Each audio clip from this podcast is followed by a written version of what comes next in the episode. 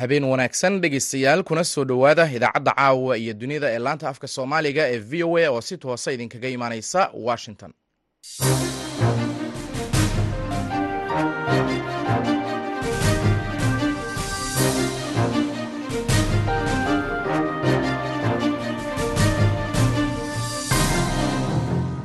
waa fiidnimo isniin ah afariyo tobanka bisha nofembar sannadka labada kun iyo labiyo labaatanka.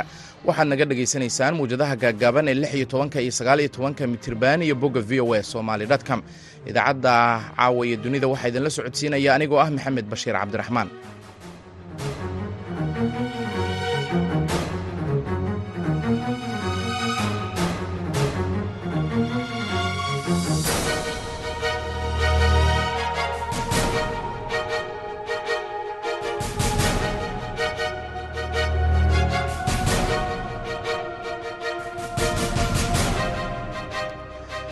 qodobada dhegeystayaal aad idaacaddeenna caawa iyo dunida ku maqli doontaanna waxaa ka mid ah dowladda maraykanka oo kordhisay abaalmarintii ay ku doonaysay saddex ka tirsan madaxda al-shabaab.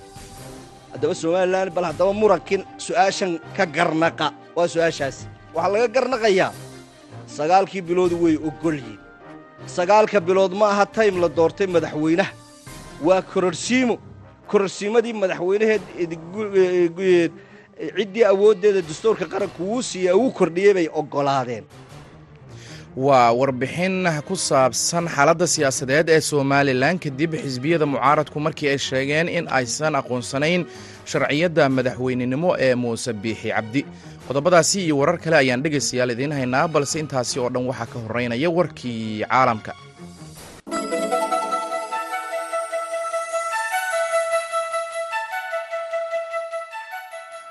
madaxweynayaasha maraykanka iyo shiinaha joe biden iyo shi jinping ayaa kulan taariikhiga ku yeeshay magaalada baali ee dalka indonesiya isniinta maanta ah iyadoo wadahadalkooda uu qaatay muddo saddex saacadood ah oo lagu doonayey in looga fogaado dagaal dhex mara labadan dal ee awoodda badan.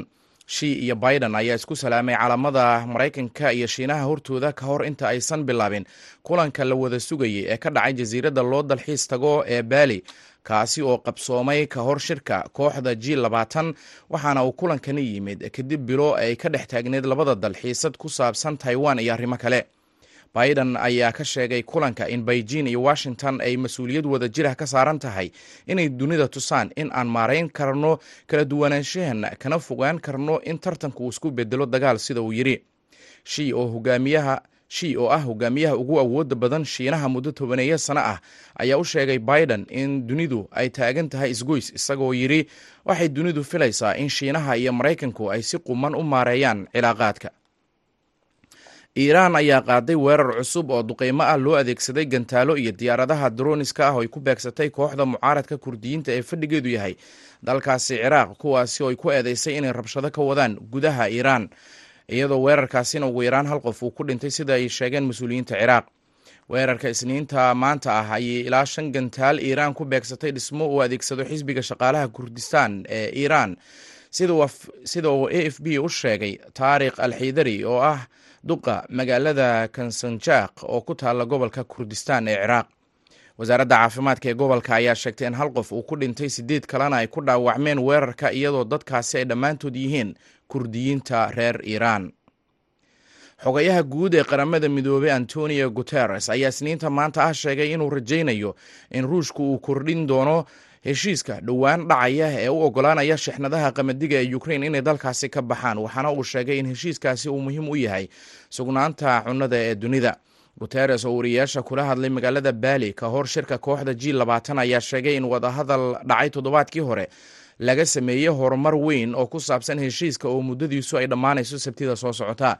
Waxaan rajaynayaa in hidisaha qamadiga ee badda madow la cusboonaysiin doono ayuu yidhi ukrain oo ka mid ah dalalka soo saara qamadiga ugu badan caalamka ayaa duulaanka ruushku ee dalkaasi uu ku qaaday. Waxa uu hakiyey labaatan milyan oo tan oo qamadi ah oo laga dhoofin lahaa dekedaha dalkaasi ka hor intii aysan turkiga iyo qaramada midoobay heshiisa ka dhex dhalin labada dal bishii julaay. Rushia ayaa sheegtay in aysan weli go'aansan haddii ay sii kordhinayso muddada heshiiska oo ku eg sagaal iyo tobanka novembar ugu dambeynna turkiga ayaa isniinta maanta ah ku eedeeyay haweeney suuriyaan ah inay ka dambeysay qarax dil waa qarax dilay lix qof oo ka dhacay istanbul kaasi oo ay ku eedeysay inay soo abaabushay kooxda la mamnuucay ee b k k ee kurdiyiinta ah. Wasiirka arrimaha gudaha ee turkiga suleymaan solo ayaa bayaan uu soo saaray oo lagu baahiyey wakaaladda wararka dalkaasi anadulo waxa uu ku sheegay in qofkii qaraxa dhigay la xiray. Wasiirka ayaa sheegay inay ogaadeen sida uu yidhi in kooxda b k k ee argagixisada ah ay mas'uul ka tahay weerarka.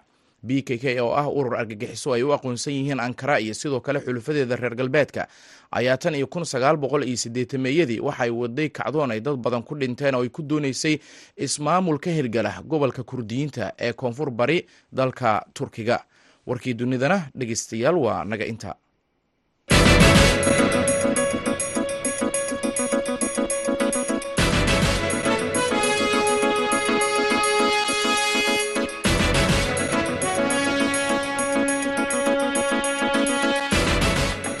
Halka dhegeystayaal wararkaasi aad kala soconaysaan waa laanta afka soomaaliga ee v o a oo si toosa idinkaga imaaneysa washington aynu ku horeyn sidii aad ku maqlayseen idaacaddeenii saaka xisbiyada mucaaradka ee somalilan ayaa sheegay inaysan aqoonsanayn sharcinimada madaxweynaha somalilan muuse biixi cabdi iyo xukuumaddiisa iyadoo shalay ay ku ekayd markii la doortay shan sano ka hor.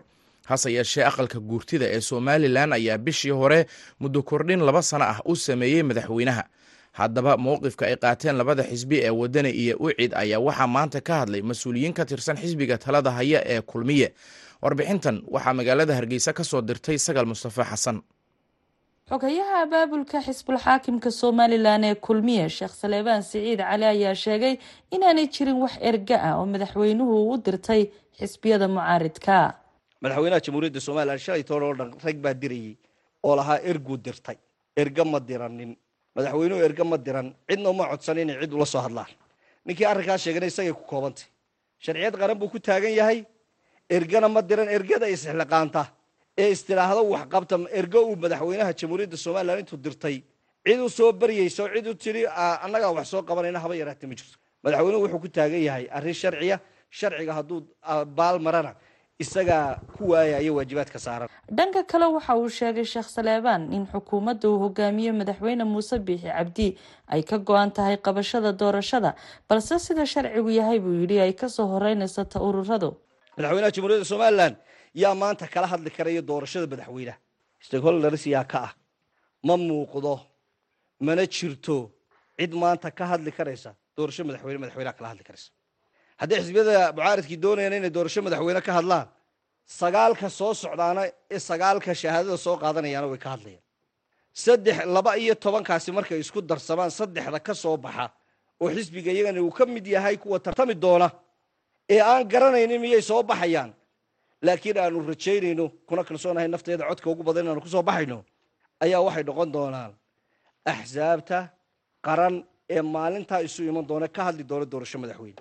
Markaa maanta ma taallo doorasho madaxweyne ee waxa taallo doorashadii ururada saddexda soo baxa ayaana madaxweynaha ay ka wada hadli doonaan. Oo hadalkiisa sii wata oo la hadlaya mucaaridka ayaa yidhi axsaabta xalay way hadleen waxay sheegeen madaxweynaha jamhuuriyadda somalilan inaanay madaxweynenimadiisa u ictiraafsanayn aqoonsanayn.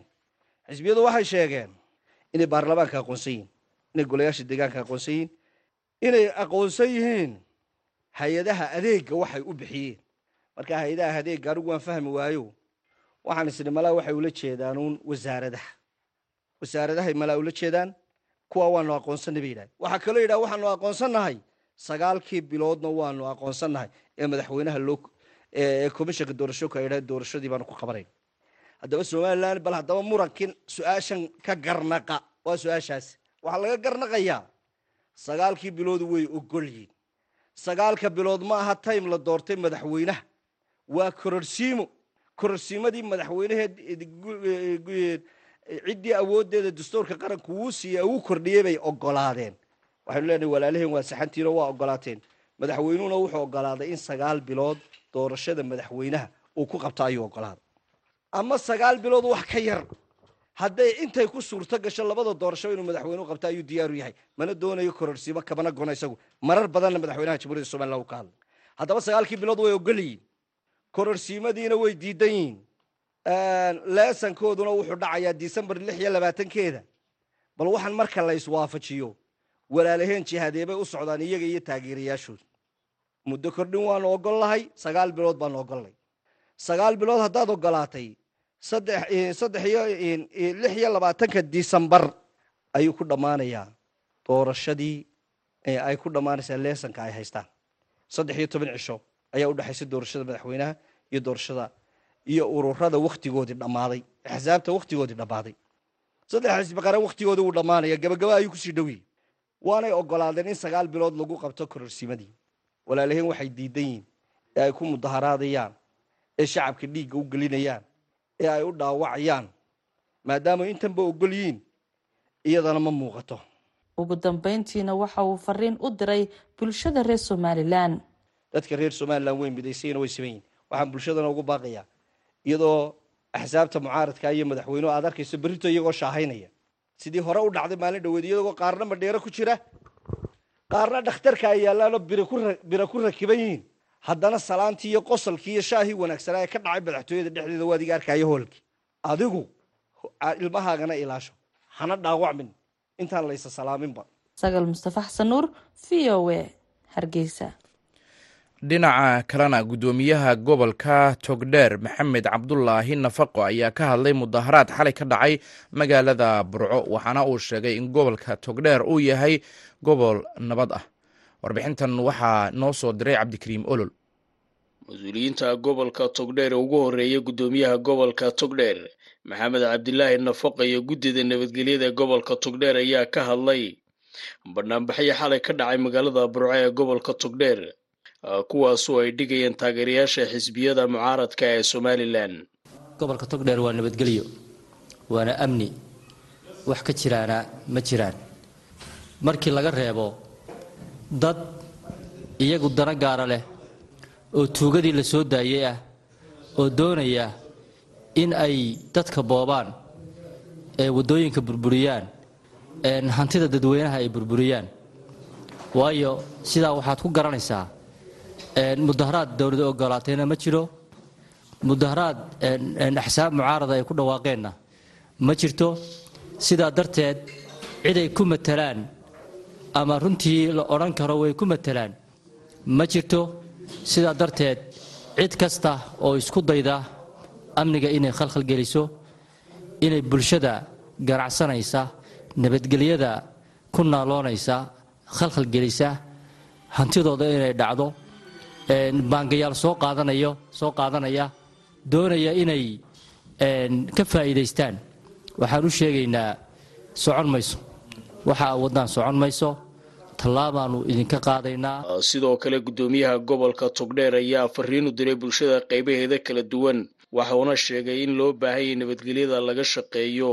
Insha allahu tacaala burco oo isku duuban waxgaradkeeda indhergaradkeeda cuqaasheeda salaadiinteeda mas'uuliyiinteeda hadday axsaab qaran tahay iyo hadday tahay xukuumadba kama ogelin burco mudaharaad iyo khalkhal amnigeli in amniga la khalkhalgeliyo waxaan u sheegaynaa cid kastaoo isku dayda oo arrinka falka ku kacda tallaabo sharciga waafaqsan baanu ka qaadaynaa waxaan ugu baaqayaa bulshada gobolka togdheer xaruntiisa burco sidii wanaagsanayd ee hufnayd ee xilkasnimada lahayd ee nabadgelyada aynuga wada shaqayn jirnay magaaladeenna iyo midnimadeeda iyo horumarkeeda iyo iskaashigeeda aynuga shaqayn jirnay. Banaanbaxyadan ayaa ku soo aadmay xali marka ay go'aan soo saareen xisbiyada mucaaradka ee somalilan xisbiga wadani iyo wicid.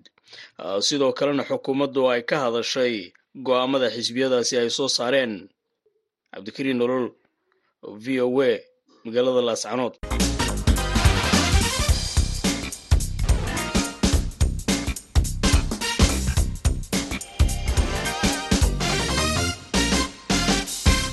dhegeystayaal waxaad nagala soconaysaan laanta afka soomaaliga ee v o a oo si toosa idinkaga imaaneysa washington. Safaaradaha maraykanku uu ku leeyahay soomaaliya iyo kenya ayaa sheegay maanta in dowladda maraykanku ay kordhisay lacagihii abaalmarinta ahaa ee horey loo saaray madaxda iyo saraakiisha ka tirsan ururka al-shabaab. Mas'uuliyiintu waxa ay sheegeen inay axmed deeriye oo ah hogaamiyaha al-shabaab mahad karatay iyo jihaad sirwan mustafa uu midkiiba haatan ay ku doonayaan lacag dhan toban milyan oo dollar. Axmed diiriye oo ah guddoomiyaha ama hogaamiyaha al-shabaab ayaa waxaa horey loogu doonayey lacag dhan lix milyan halka mahad karataay iyo jihaad sirwaan mustafana min shan milyan oo dollar horey loogu doonayey warbixintan waxaa nairobi ka soo diray yaasiin ciise wardheere waaxda arrimaha dibadda ee waddanka maraykanka barnaamijka dhinaca cadaaladda iyo abaalmarinta la siiyo dadka markaasi keeni kara xogta dhabtaa ee lagu waxyeelayn karo islamarkaana lagu kala daadin karo shabakadaha al-shabaab. Ayaa shir jaraa'id oo arrintaasi ku saabsan safaaradda dalka kenya ee magaalada nairobi maanta lagu qabtay. Waxaana si gaara arrimahaasi loogu jeexjeexay lacagaha sharci darrada ahi meelahay ka soo galaan iyo shabakadaha isku xiran iyo dadka markaasi gacan ku siiya muddooyinkan dambe iyadoo boqolaal dadka rayidka ahi ay ku dhinteen weerarada al-shabaab safaaradda dalka soomaaliya u qaabilsan dalka maraykanka iyo weliba safaaradda kale ee iyaduna magaalada nairobi ayaa si gaara shir jaraa'idoo maanta ay qabteen ay ku faahfaahiyeen qorshaha gaarka ah ee dhinaca garsoorka ee waaxda arrimaha dibadda iyo sida markaasi dhibaatadu ay u saamaysay dalalka soomaaliya kenya iyo waddamada xiriirka la leh dalalka geeska afrika ku yaalla ee kumanaandada ay dhibaatooyin ku soo gaareen. Waxaana si gaara shirkaasi jaraa'id loogu soo qaaday toddobadii bishii agosto sannadkii kun boqol sideed iyo sagaashankii weerarkii dadka badani ay ku hoobteen ee soomaalida kenyaanka iyo dad badan oo maraykan ay ku dhinteen weerarkii ka dhacay magaalada nairobi. Waxaana xusuus gaara oo maanta loo sameeyey lagu tilmaamay in kooxaha al-shabaab ka mid tahay ay hadafkooda ahaa in ay dhibaato u geystaan dadka rayidka ah iyo markaasi dadka wax ku oolka bulshada u ah islamarkaana qorshahani uu yahay mid wax looga qabanayo dhibaatooyinka al-shabaab ay ku hayaan geeska afrika gaar ahaan dalka soomaaliya shirkaasi jaraa'id waxaa aada loogu bogaadiyey dadaalka dowladda madaxweyne xasan sheekh maxamuud ee ku saabsan dadka rayidka ah ee iska kaashanaya ciidamada dowladda sidii looga guulaysan lahaa dhaqdhaqaaqa al-shabaab iyadoo dowladduna markaasi tallaabooyinka ay qaaday ay yihiin mid ay soo dhoweynayaan dowladda maraykanka iyo saaxiibada ay leeyihiin. Danjiraha dalka soomaaliya u fadhiya dalka maraykanka larry andrew oo isagu shirkaasi jaraa'id ka hadlayey ayaa waxa uu sheegay. We also announced a new program aimed at disrupting Al Shabaab's financial networks. Let me stress that this is in support of the announced strategy of waxa aanu soo bandhignay qorshe istaraatiijiyadeed oo cusub kaas oo lagu kala daadinayo shabakadaha maaliyadeed ee al-shabaab waana mid la jaan qaadaya qorshaha xukuumadda soomaaliya ee ka dhanka al-shabaab haddii aan idin xasuusiyo qorshaha xukuumadda soomaaliya waa mid ka kooban ka hortaga fikirka khaldan ee al-shabaab iyo beegsashada ilaha dhaqaale ee al-shabaabka iyo dagaal toos ah oo lala gelayo si loo xoreeyo ummadda soomaaliyeed and uh, to uh, uh, confront on the battlefield to liberate Somali communities. Waxaa danjiruhu uu sheegay in barnaamijkani qayb uu ka yahay sidii loo kala daadin lahaa shabakadaha dhinaca al-shabaab iyo markaasi dadka maalgeliya. Dhanka kale waxaa isna shirkaasi jaraa'id ka hadlay ku-xigeenka ergada safaaradda dalka maraykanka ee magaalada nairobi mark dillard oo isaguna tilmaamay inuu aada u soo dhoweynayo go'aanka markaasi uu ku dhawaaqay danjiri andre iyo weliba dowladda maraykanka oo iska kaashanaya To further demonstrate our resolve to disrupt and dismantle Al Shabaab's network, the, um, the United States, si aan u muujino inay naga go-an tahay burburinta iyo kala daadinta ilaha dhaqaale ee al-shabaabka dowladda maraykanka iyada oo kaashanaysa dowladda kenya iyo saaxiibada gobolka ayaa waxaa dowladda maraykanku ay soo bandhigtay abaalmarin lacageed oo la siinayo ciddii keenta macluumaad ama xog sababi karta in la aqoonsado ama la burburiyo ilaha dhaqaale ee al-shabaabka that would lead to the and disruption of Al Shabaab's revenue sources and funding streams. Waxaana si gaara uu u tilmaamay in aad loo xoojinayo dadaalada gaarka ee lagu kala daadinayo shabakadaha al-shabaab iyo markaasi taageerada la siinayo dalka kenya iyo dadka saaxiibada la-ah iyo dalka maraykanka lacagahaasi oo la sheegay in lagu bixinayo ciddii markaasi soo sheegto xogta rasmiga iyo sida lagu kala daadin karo rugaha iyo xarumaha dhaqaalaha ee maalgeliya dhaqdhaqaaqyada al-shabaab. Yaasiin ciise wardheere v o a nairobi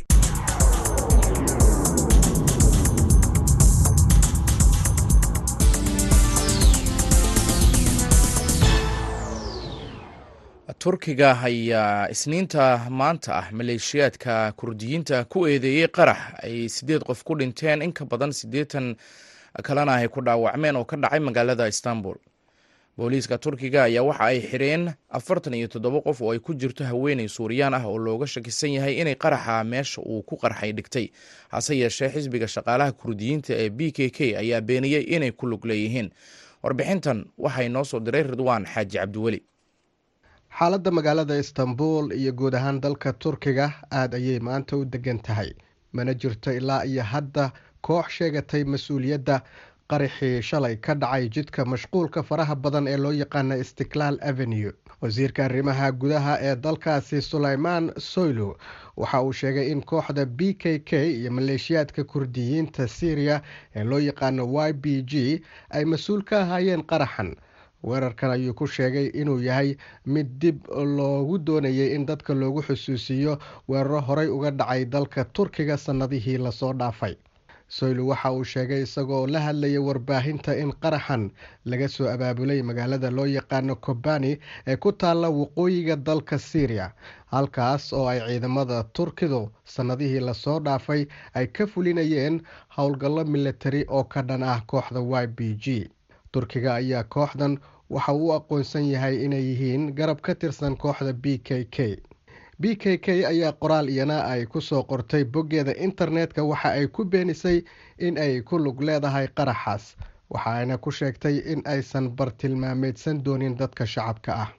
Booliska ayaa qofka lagu tuunsan yahay qaraxa waxa uu ku sheegay haweeney u dhalatay dalka syriya waxaana lagu soo qabtay howlgal xalay ay boolisku sameeyeen haweeneydan oo gacmaha ka xiran ayaa waxaa laga baahiyey telefishinka dalka turkiga ee loo yaqaano t r t. Istanbul si wanaagsan ayaa xaaladeeda maanta ay u degan tahay. Sida uu ii sheegay yuusuf muuse maxamed oo ah arday barta siyaasadda iyo xiriirka dibadda oo ku sugan magaalada. Ridwan waqti xaadirkan magaalada istanbul waxa waaye marxaladeeda aaday u degan tahay khaasatan meesha qaraxa ka dhacay waddada istiklaal taqsim waxaa jirtoo kale hadalhayn keliya oo qaraxii iyo reactiono badan yani mucaaradkii iyo waxyaabahaas oo qofba wax uu ka dhiibanaya commenti qaraxi dhacay. Laakiin hadda magaalada istanbul marxaladeeda aad u fiican tahay magaalada way degan tahay. Dadka oo dhaawacyada iyo dhimashadu numberkii siduu ahay laakiin dhaawac isbeddel baa ku imaanaya markasta oo number mar baa la sheegayaa. Laakiin sida caadiga alxamdulilah magaalada way nabad qabtaa dhammaanna waa lagu ladan yahay weerarkan ayaa waxa uu dhaliyey walaac ah in dhacdooyin fara badan oo noocan oo kale ah ay dhici karaan ka hor doorashooyinka lagu wado in la qabto juun sannada labada kun iyo saddex iyo labaatanka. B k k ayaa hogaaminaysay weeraro ka dhan ah dowladda turkiga ilaa iyo sannadkii kun iyo sagaal boqol iyo afar iyo siddeetankii. Waxaa turkiga midowda yurub iyo maraykankuba ay u arkaan kooxda b k k koox argagixiso ah. Ridwaan xaaji cabdiweli v o a london.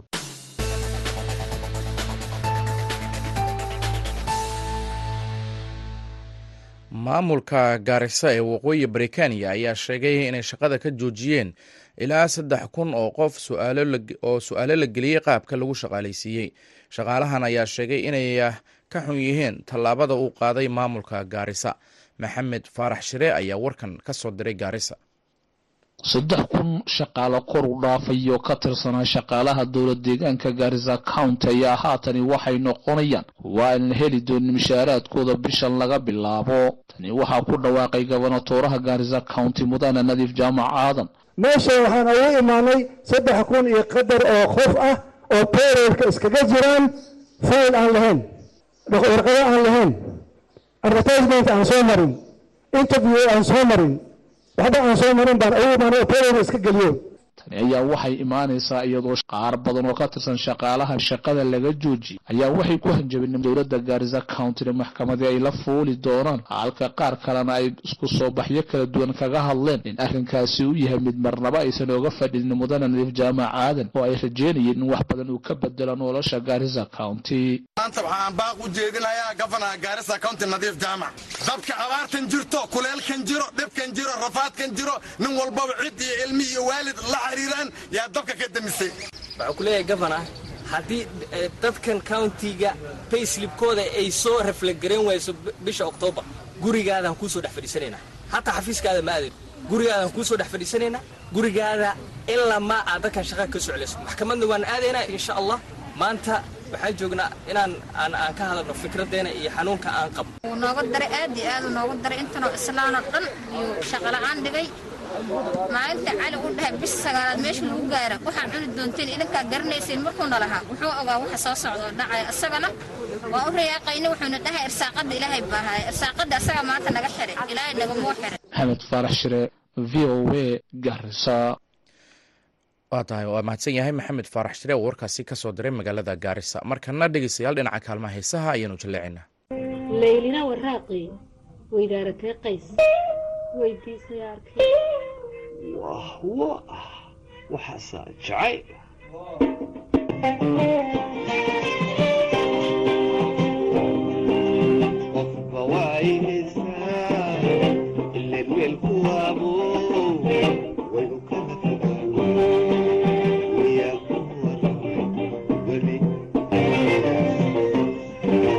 qofba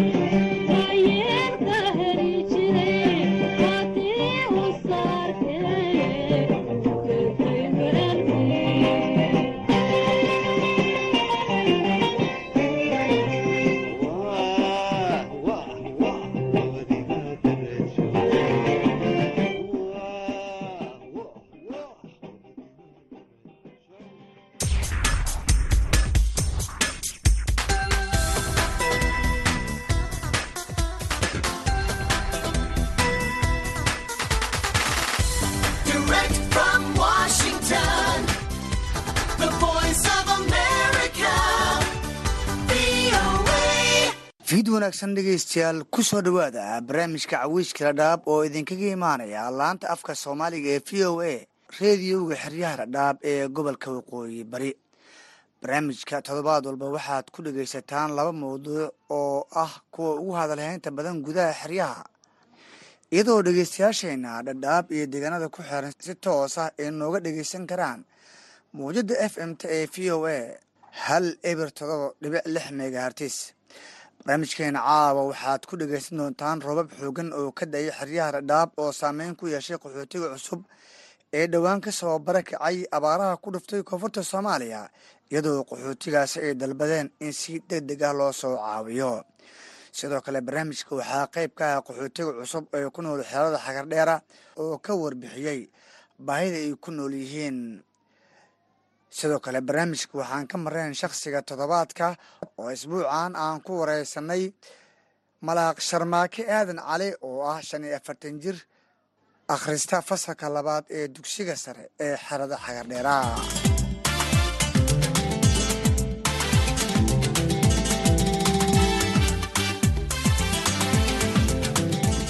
barnaamijka waxaa idinla socodsiinaya aniga waa cabdisalaan axmed cabdisalaan salas oo ku sugan xeryaha dhadhaab ee gobolka waqooyi bari.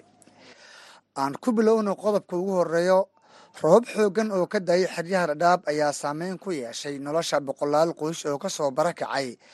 Abaaraha ku dhuftay koonfurta soomaaliya kuwaas oo aan haysan guryo cunto iyo biyo iyo daryeel kalaba qaxootigan oo badankiis aan taageero ka helin hay'adaha samafalka ayaa roobabkan waxay heleen xilli ay walaac badan ku qabeen cunto xumo ka jirtay xeradaasi.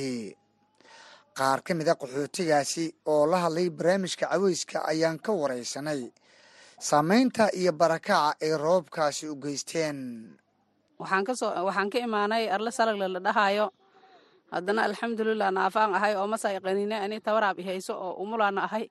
Kolley dhib xalay waan fadhinay saan u fadhina waaga nooga beriyey roob miya bacad la'aan miya gaajada wax kastaba kolley alxamdulilah ilaahay wixii keena lama diidaayo alxamdulilah ee muslimiinta waxaan u sheegayaa ilmaha yaroo umusha ee kolley hadda xalay anoo la taagana waaga ii beriyey roobka daa'ayey laba iyo tobanka lala taaganaa kolley waxaa la siina hadda kolley ilaahay gacantiisa ku jiraan hadda ma hayno ma aragtaayo waxaan rabnaa ina la soo aawiyo anu aan gaajaysanahay naaska hadee waxa laga nuugaayo naaska qofkiis uu gaajaysanayo waxa laga nuugaayo ma laha kolley ilaahay amarkiisa inaadna soo gaartiin aan rabnaa. Insha allah haddii oo tabar aad noo heli kartiin toban maalmooda intii joognaa oo ma aragtaayo hadda kolley waxa haddana soo aawiyo amana soo gargaaro gargaar iyo waxaan ka helnayna ma jirto. Waxaan u baahanahay garab iyo gargaaraan u baahanahay. Nala ogaado oo nala arko. Abaar iyo hoolo la'aan hoolaha abaaraa dhammaysay hoolihii la haysay abaaraa dhammaysay kolley waan soo barakacnay dalkii aan ka imaanayna dalfig aan ka imaanay kolley. Hoolahan waa inaga dhammaadeen tabaraana hayso in la soo aawiyaan rabnaa oo garab naloo soo noqdo oo ehel aan helno roobkana guri ma haysano oo bannaan aan fafadhiinaa buushishaan dhisnay buushishkana kolley haddee buush mara la saaray kolley roob ma reebay waa la ogyahay. Ee in la soo caawiyo buushishka bac hataa nalooga soo raadiyo wixii naloo soo heli karo gargaara naloo soo gaaraan rabnaa. Aayadda qaxootig inayna ogaato waan dayacanahay haddii ilaahay ogolaado aan rabnaa. Oo garab iyo gargaar aan ka helno aan rabnaa. Kaalmo aan ka helnaan rabnaa. Haddii nala ogaa in nala ogaado. Saan u imaanayna waxa garab iyo gargaar hadda aan helnay malaha kolley waxaan rabnaa in la soo gargaaro oo hataa bacda aawin waayo alaabta aawin waayo raashinka haddii naloo helo aawin waayo waxaan rabnaa inaan garab helno inug umulaan haystaa toban habeenaan dalka joognaa waxaan nasoo aawiyo mase waxa gargaar oo aan ka helnay ma laha. Sangaabo ibraahim guhaada liira afmadooaan ka amaaday xalaysaan u fadhi waaga ii beriya roobaan daryeelan u soo baxay inaad ii daryeeshiina walaalayaala u baahannahay waa aad iyo aadan u rafaadsannaha waana dhibaataysannahay kaara ma hayna boona ma hayna wax ilaahay uma hayna. Male ilaahay jihadiisa idinka xaggihin baan wax ka sugu hayna waa tahay sangaabo bal ka waran roobkii xalay saamaynteeda ku yeeshay. Roobkii xalay an fadhana aswaaga noo beriyo biyaha na qaadeenoo meel aan fadhiisan aan wayno saan u tataagannahay aswaaga noo beriya xalay saasaad ogaanaysin meeqa caruuraa wadataa sideed carruur iyo hooyadooda. Ah meeqa maalin joogta halkan? Shan iyo toban biroon saan u joogo meel aan madaxa geli aan lahayn raashin aan karsan aan lahay bal guriga aad ku noosha waa guri sidee ah? Gurigeyga waxaa waaye calagaroob oo kurtumo lahon soo gurta oo loorar dadka soo qaata aan saarta xalay an fadhiyan waaga ii beri meel aan la aadama aan garan waayo aan la qabta. Haa gaajada dheeraad noo eh rafaadka silaca kaarna ma qabna boona ma hayna. Haa iyo aan xaggeeda codsa ka rabnaa inaad noo daryeeshiin bac raashin wax kasta aad noo yeeshiin aan u baahannahay sitay muuse muktaar yadii dheesa batuuna jilib xaggiisa ka barakay. Xalay roobani gubi jiifkii oonay masaakiintani siiti noo fajagi bariiskii halay yar masaakiintani sii noo fajay burkina saa burki qaar daadini halawa yara nin heri bariiskina waake orahara werni ilmaga golasho kulina waake orahara nin yaalan rafaadkasani haa meelala meesha joogtan isa aabiya jooriyaak inani siitan ina jiifni siitan bacri guriga saaraan inani siitan ambaahin intaas siinsa ka codsani sabatuuni sabatuuni jilib xagiisa ka barakaani maanta toban way roogni xalayna roobkan ila kulungni.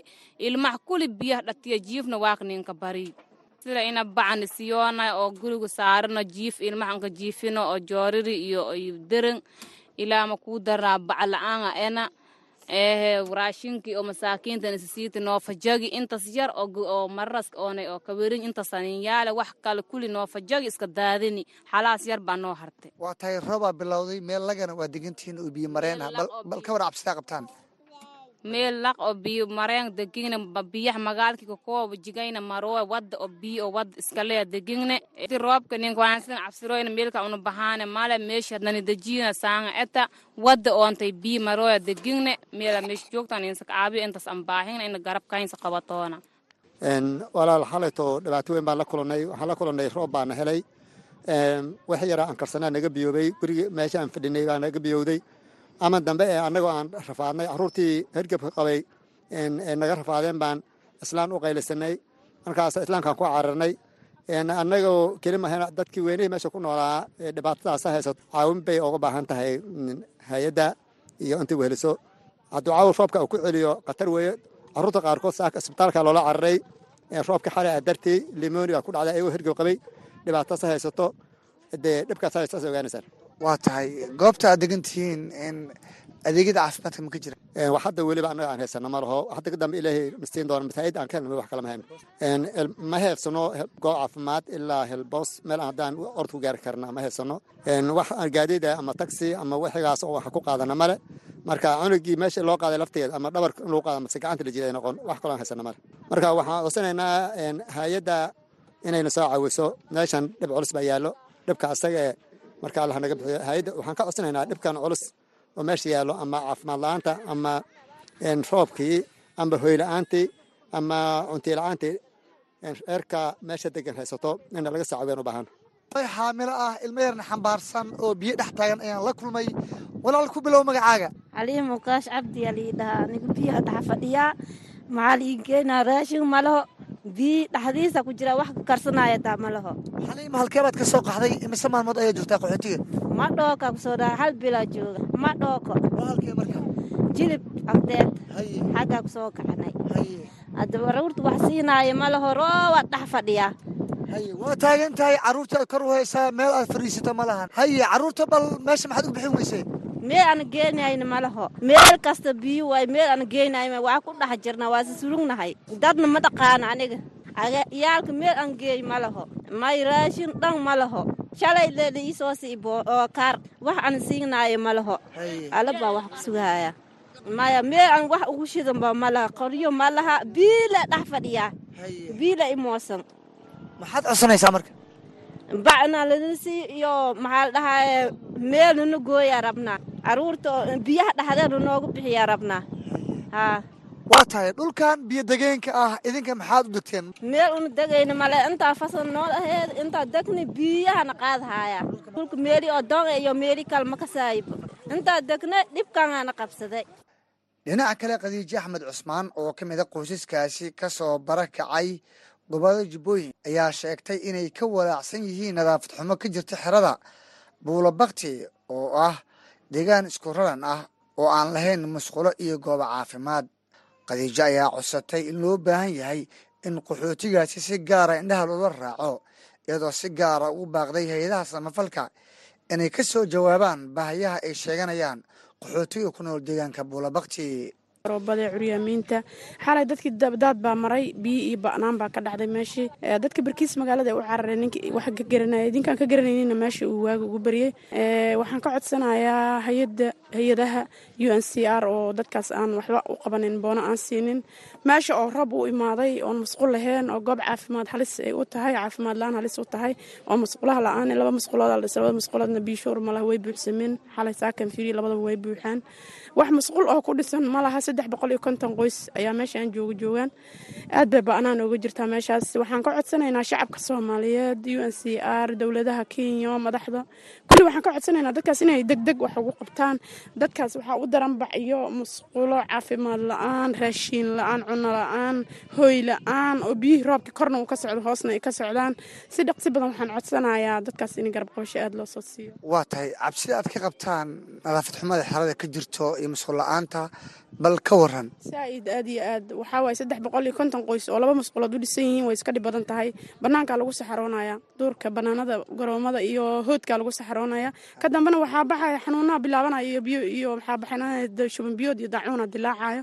Waxaan ka codsanaynaa dadkan shacabka haddii meel loo waayay hitaa oon boona hadda loo haynin in masquulo deg dega loo keeno oo gacan qabasho badan la siiyo bacyo loo keeno oo dadkan curyaamiinta wada naafada kulli wada rafaadsan oo wada dayacsan hooyooyinka umulaha oo nin la jirin oo wada dayacsan oo agoomaha baamooyinka asayda wado. Dadkaasina waxaan rabaa saaid wax loogu qabtaa shacabka soomaaliyeed. Intaan kastoona hooyo soomaaliyeed waaya khadiija aan walaal raalli noqo aamus. Dadkan waxay degan yihiin goob biyo degeen ah oo lag ah. Bal ka waran cabsida aad ka qabtaan. Halis waaye xalay dad baa loo imaaday oo gaariyaa lagu qaaday. Dadna meeshooday joogaan. Oon saaka ku booqday aad bay u dayacan yihiin dadkan. Inkastoo codku igu xirmay dadkaas soomaaliyeed waxa loo qabto aad bay u mahadsan tahay. Taasna waxay ahayd khadiijo axmed cusmaan oo ka mid ah qaxootiga ka soo barakacay jibbooyinka oo ka warbixisay xaaladaha iyo dhibaatooyinka ay ku nool yihiin. Qaxootiga cusub ee soo gaaray xeryaha dhadhaab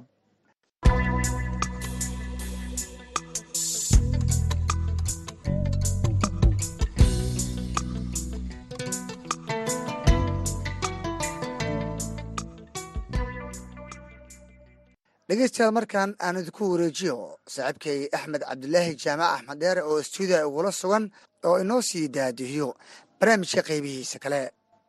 Mahadsanid cabdisalaan axmed cabdisalaan salas dhegaystayaal waxaad nagala socotaan barnaamijka caweyska dhadhaab oo aad ka dhegaysanaysaan laanta afka soomaaliga ee idaacadda v o a wuxuu barnaamijku si toosa idinkaga imanayaa xeryaha dhadhaab ee gobolka waqooyi bari ee kenya magacaygu waa axmed cabdulaahi jaamac axmed dheere ku soo dhowaada warbixinno kale oo ku saabsan nolosha qaxootiga ku jira xeryaha dhadhaab. Waxaa ka mid a qodobada aad ku maqli doontaan qaybtan kale ee barnaamijka. Xubintii shaqsiga oo toddobaadkan uu marti noogu yahay malaaq sharmaarke aadan cali oo ah shan iyo afartan jir ka mid ah oday dhaqameedyada mid ka mida beelaha soomaalida ee ku nool xeryaha dhadhaab. Sharmaarke oo ah xaasle haysta toddoba carruur ah sidoo kale waa arday dhigta fasalka labaad ee dugsiga sare waxaad waraysiga uga bogan doontaan hayaankiisii waxbarasho iyo sida uu isugu qabto howlahan badan ee u yaalla oo ay ka mid yihiin mas'uuliyadda qoyska hawshiisa odaynimo iyo waxbarashadiisa.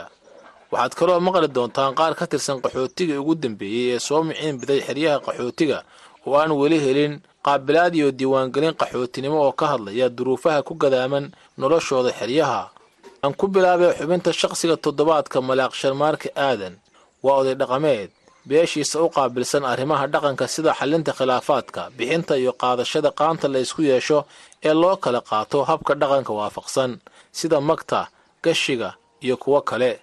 Waa arday dhigta dugsiga sare waana aabbe ay sugayaan daryeelka toddoba carruura wuxuu ka hadlayaa sida uu u goostay inuu wax barto iyadoo ay u yaallaan howlahan badani iyo sida uu suurtagal uga dhigay inuu guto dhammaan shaqooyinkiisa oo idil. Hirooyinka waxaan imaaday labada kun afar iyo tobanka ayaa imaaday bisha sideedaad ayaa imaaday. Ee deegaanka ka imaadan waxaa la yidhaahdaa buuleelay la yidhahda ka imaaday. Buuleelay la yidhaahdo jamaama baadideedu waay jama markay joogdo baadideeda jamaama tahay. Buuleelay baa la yidhahdaa buulo waa la yidhahdaa buuleelan dhiyaar meeshaa ku dhashay meeshaa ka imaaday. Waa tahay sharmaarke waxaa tahay arday. Ee wax ka bartaa mid ka mida iskuullada sare ee ku yaalla xerada xagar dheer. Bal ii sheeg waxbarashadan hadda maraysaa dugsiga sare sidaad ku soo bilowday iyo halka aad ka soo bilowday hayaankaagan waxbarasho waxa isoo saaray horumarkan iyo ilaahay kuroon yahay anaga hadda marayo barefadka ayaa ku soo gaaray edidkaasna waa dhigan jiray. Tahaanba maana sanad kasta dee tahaanba laska qaadaa nin kasta maanaa ilaahay kuroon yahay wixii halfida os markaa keensadeen is bartay ayaa maanaa dugsiga ka gaaraya. Marka taanka laiga sameeyey meeshii iskuulkii iskuulkii maana iskuulaha aadayga ah markaana u gudbay afar boqol iyo toddobaatan ayaa keenay adhidka ka keenay. Markaas waxaa laii gudbiyey iskuulaha aadayga ahoo berimilga ayaa laii gudbiyey.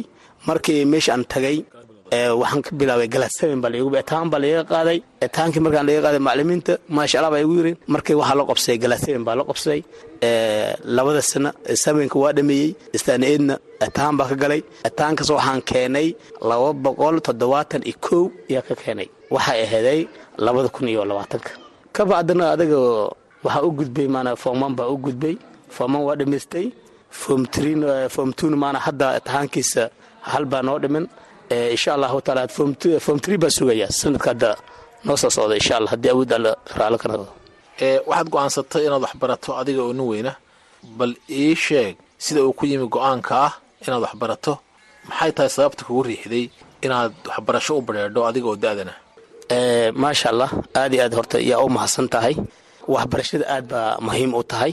Ninka waxbarashada markii dhidhimiyo wax badan oo noloshada ayaa u aftiimaysaa anagoo aabba ah haddana anagoo malaag ah anagoo tol hogaaminayo waxbarasho wax iga kasbay.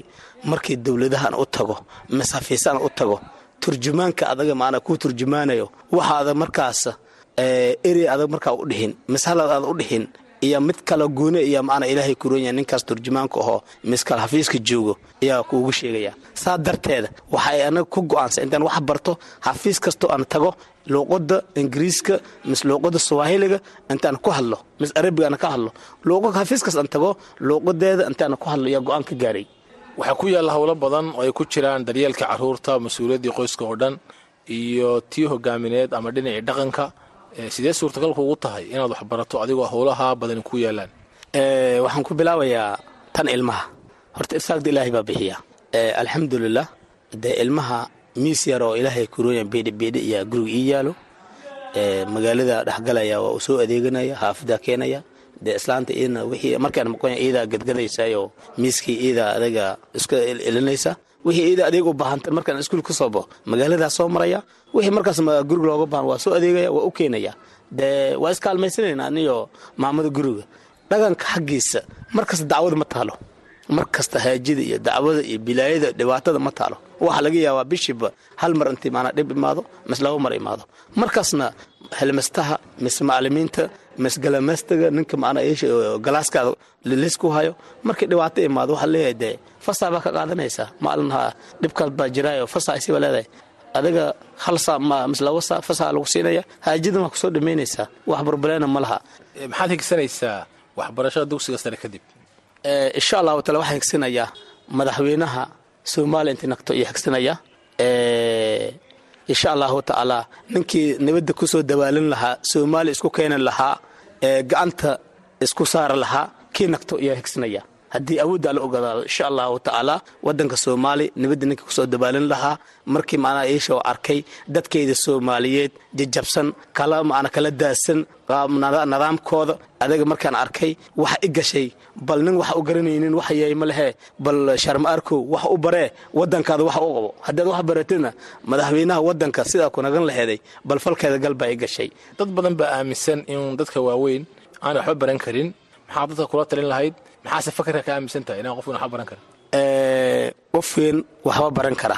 Waxbarashada waa muhiim. Dadka weyn waxa uu sheegaya mar kasto ku gawaabinaya waxbarashada waxa weeye waa in yar. Galaaska marka aad joogdid waa hal sac miska nus sac baa ku jiraysaa. Adduunkao dhan maisagda ilaahay bixiyaa maanta haddii ada tiraahdo ilaahay adduunkao dhan baa isku soo koobaya ma soo koobi kartid. Halka sac mas nuska sac adaga iskuulka intay u gaari horta bareefada isku soo dhis. Bareefad markaad isku dhistidoo waxgarashadaada iyo nidaamkaada idaga adaga bixin karto waa qof wax faaminagato. Iskuulaha markaas waxaa tagdaa adoo tayi leedahay ayaa tegaysaa haweenkay wax baran karta subaxday wax baran karta. Adaga sida rabta hadda horumar baa la gaaro asharka wax laga bixinaya mobilaa laga bixinaya hadda iyagoo norweyn joogaanoo maraykan joogaanoo kenya gudaha joogaan ayaa adoo joogda wax baran karta. De hasliidinna waxaan leeyahay waxbarashada waa nin mogdi ku jiro adoo mogdi ku jirtid. Ayaa macnaa ilaahay kuroonya haddi wax barata nin aftan joogaa tahay. Ilaa nin waxba u garanaynin waxa waaye nin guri mogdi lagu soo qufulay waay. Nin guri mogdi lagu soo fulayna waxa yahay ma laha. De waxa dadka waaweyn dumarka mis odayaalka mar kasta waxaa ka gawaawinaya sidii waxbarashada horumar macna iyaga ka samayn lahayn ayaa ku gabaabinayaa haddii aad wax garanayso ilmahada waxaa barinaysaa haddaad jaahil tahay ilmahada wax ma bari kartid. Waxaa la rabaa ilmahada asharka habeenkii marka imaadaan u akhrisid waxa u sheegdid siisid macnaa ilaahay ku roon yahay oo markii homemark iyo maalinka soo diray homemarkaas waxaa la rabaa ilmaha ugu shaqaysido ka diyaarsido wixii ka galdan ka saxdid ayaa loo baahan haddaad waxba garanaynin ilmahana wax ma bari kartid. Saa darteeda ani ilmaheedaba waxbarashada heegan baa u nahay soomaaliweyn waxaa uga baaga inta wax bartaan. Kaasina wuxuu ahaa malaaq sharmaarka aadan oo ah oday dhaqameed arday iyo aabe soomaaliyeed oo ku nool xeryaha dhadhaab oo u warramayay barnaamijka caweyska dhadhaab tan iyo bishii juun ee sanadkan waxaa aad kor ugu kacday tirada dadka qaxootiga ah ee ku nool xeryaha dhadhaab ka gadaal markii ay xeryaha soo gaadheen kumanaan qaxooti soomaali ah oo ka soo cararaya abaaraha iyo colaadaha ka jira qaybo ka mida gobollada dalka hay'adda u n h c r oo kaashanaysa laanta dowladda kenya u qaabilsan qaxootiga ee magaceeda loo soo gaabiyo r a s ayaa bilihii julaay iyo agosto ee sanadkan xeryaha qaxootiga ka diiwaan geliyey qaxooti tiro ahaan kor u dhaafaya afartan kun oo qof. Waxaase jira tiro intaa ka badan oo aan weli helin diiwaangelin iyo qaabilaad sida ay xaqiijiyeen horjoogayaasha qaxootigu. Dadka aan la diiwaangelin ayaa xeryaha ku wajahaya duruufo adag oo nololeed ma haystaan cunno biyo iyo hoy. Yarow maxamed nuune waa toddobaatan jir isaga iyo qoyskiisa oo ka kooban siddeed qof. Ay horaantii sebtembar soo gaareen xeryaha qaxootiga dhadhaab. Wuxuu ka soo qaxay tuurada qaraare boorow oo ka tirsan deegaanka jawaari ee gobolka baay. Kadib markii ay abaartu dhaafisay wixii uu xoolo haystay. Wuxuu ka hadlayaa sababta ku riixday inuu soo beegsado xeryaha qaxootiga iyo sida uu ku soo maray masaafada dheer ee u dhaxaysa halka uu ka soo qaxay iyo xeryaha dhadhaab oo uu hadda joogo. Shaqay way waayada ahaa xoolihii waa dhammaaden marka alxamdulilaahi ciyaalkan dawlada gaarsii keenya geli alxamdulilaahi nolol haddii la saasa ka soo guuri dhaxdan wixii soo mari buulugolola soo mari nasriya soo mari alxamdulilaahi aadaya soo mari afmadowa soo mari taabti soo mari alxamdulilaahi dhobliya ka soo gali. Karaatadoo ii herti karaatadii damaarkii waxaa iga dhamadi dhoble karaatadii soo tacbaanga dhobliya ka dhamadi damaarkii dhobley ku dhamadi islaam islaam magan allayg masaajidada soo gali. Markaa baabura la isoo saari meeshaan saasaa ka imaadi. Carruurtii islaambaa ii soo gaaday meeshaan ii keena mar kalena dhibaatadaasa ii soo gashi nolol weyn ilaahayaa weyn. Nolol weyn baa u baahana yarow maxamed iyo qoyskiisu waxay ku biireen tiro qoysas qaxooti cusuba oo deegaansaday bannaanka ifo oo ay ka samaysteen guri yaroo buulah wuxuu mar kale ka hadlayaa nolosha isaga iyo qoyskiisa ee xilligan. Bii deegroor ma ogii wax la deegroora ma ogii bii ma halna baad ma halna saanga taagna. Islaamow dariska ku baryoohay hadda soo iman intaan taagana dhibaato inta ma dhaafaysa dhibaato meeshan ma dhaafaysa masquul ma jirta guri ma jira? Taalle ma jirta wax lahay ma leh? Meeshana ku baaba'ahayn maalin walba waxaa xeryaha soo gaaraya dad hor leh oo nolol soo biday. Dadka ayaa la kulma. Wax ka duwan wixii ay filayeen markii ay yimaadaan xeryaha qaxootiga. Faadumo cabdulaahi aadan waxaa iyada iyo qoyskeedu ay ka mid yihiin qaxootiga deegaansaday bannaanka ifo dadka uga soo horreeyey xerada ayay weydiisataa waxay carruurteeda dabka u saarto. Biyahana waxay ka soo dhaansadaan meel aad uga durugsan sida ay sheegtay walba mahalna diiwaangelin mahalna boona mahalna kaar mahalna walba maka haysan. Inta weliba wal mahalne. Aruurta wali dad islaamni siyole hakaasle siyoy kasbahoyna ilmo todoba haween haween imaanan galaane kasabahaane galaane kasabahaane ninkaamal ilmo oohin unugi oohin hooye gaaji hayt hooye gaaji hayt anin walmakin haayo dhoo intanan una kasoyna malle misaakinta wali dad misaakin limninkaanan dadka iyoba wal mahaysadan ninka wadi walkisiyo isyaristaskisiye waliskisiyoyn ilmo walmantaraw biyo may kasa dhaamiyoyne waakay kasa dhaamiyoyne ilmo wakti sheenoyan iyoba nooqinyan tab'aan eyan waxay ka soo qaxday deegaanka kalaanja ee hoostaga degmada jilib ee gobolka jubbada dhexe. Waxay ahayd beeraley ay noloshoodu ku tiirsan tahay dalagga ka soo go'a beertooda. Ka hor inta aan beertu abaarsan oo aanay gabin inay wax ka soo go'aan. Beer falole ka shaqaysadayni beerta walil ka shaqaysadaay ba luwaayi raashinga luwaayi hooba lawaayi sanadkan shan way haddii laka daro oo roob inda'ana gaajinisu buriiti gaaji inta unkoyni misaakinta misaakinlimi unkoyni inanini aabiyo ankoyni halkasa dadka laka aabiyo walaaloge dhen higrafaadkasma in roogte misaakinta meeshan halaka aabiye hee hata gaari ra'ga ado den ado meela sakara inta haddi koyto lantaliye saasa sakabani qoysaska cusub ee soo gaaraya xeryaha qaxootiga ayaa uga sii daray nolosha qaxootiga hore ugu noolaa xeryahan dhadhaab kuwa oo markii horeba ay cidhiiri ku ahaayeen waxyaabaha lagama maarmaanka u ah nolosha sida cunnada biyaha caafimaadka iyo hoyga. Dhegaystayaal inta ayaan ku soo afmeerayaa barnaamijkii caweyska dhadhaab ee toddobaadkan. Inta aanan ka bixin aan mar kale dib idinku celiyo cabdisalaan axmed cabdisalaan salas oo barnaamijka ila daadihinaya mahadsaned axmed cabdilaahi jaamac haatana nala dhegaysta heesta toddobaadka. Ogada kanuura eegmada jalleecada indhahayga naxariis adiga ku beene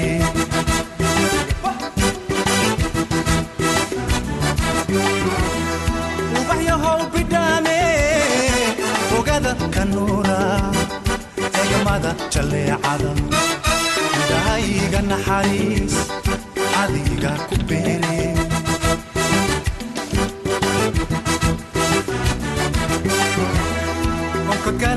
galaailaaciyo qob arooryada'ayaag agagaarka beerkiyo wadnaha ila xilkiisa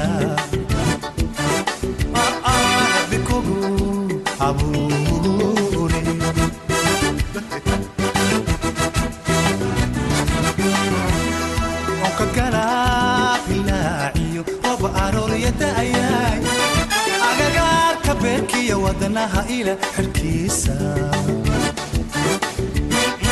bikugu abuure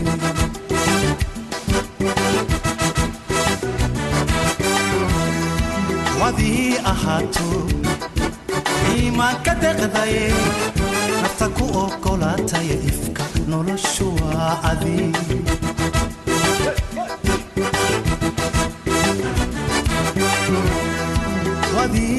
ahaato iimaanka deqdaye nafta ku ogolaataya ifka noloshu waa adi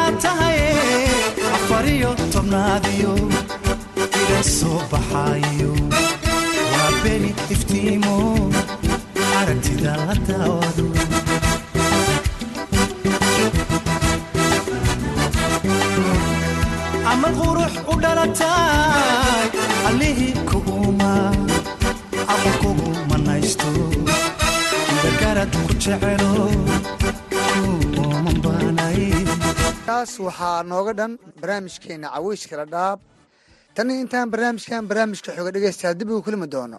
Waxaan idinku dhaafaynaa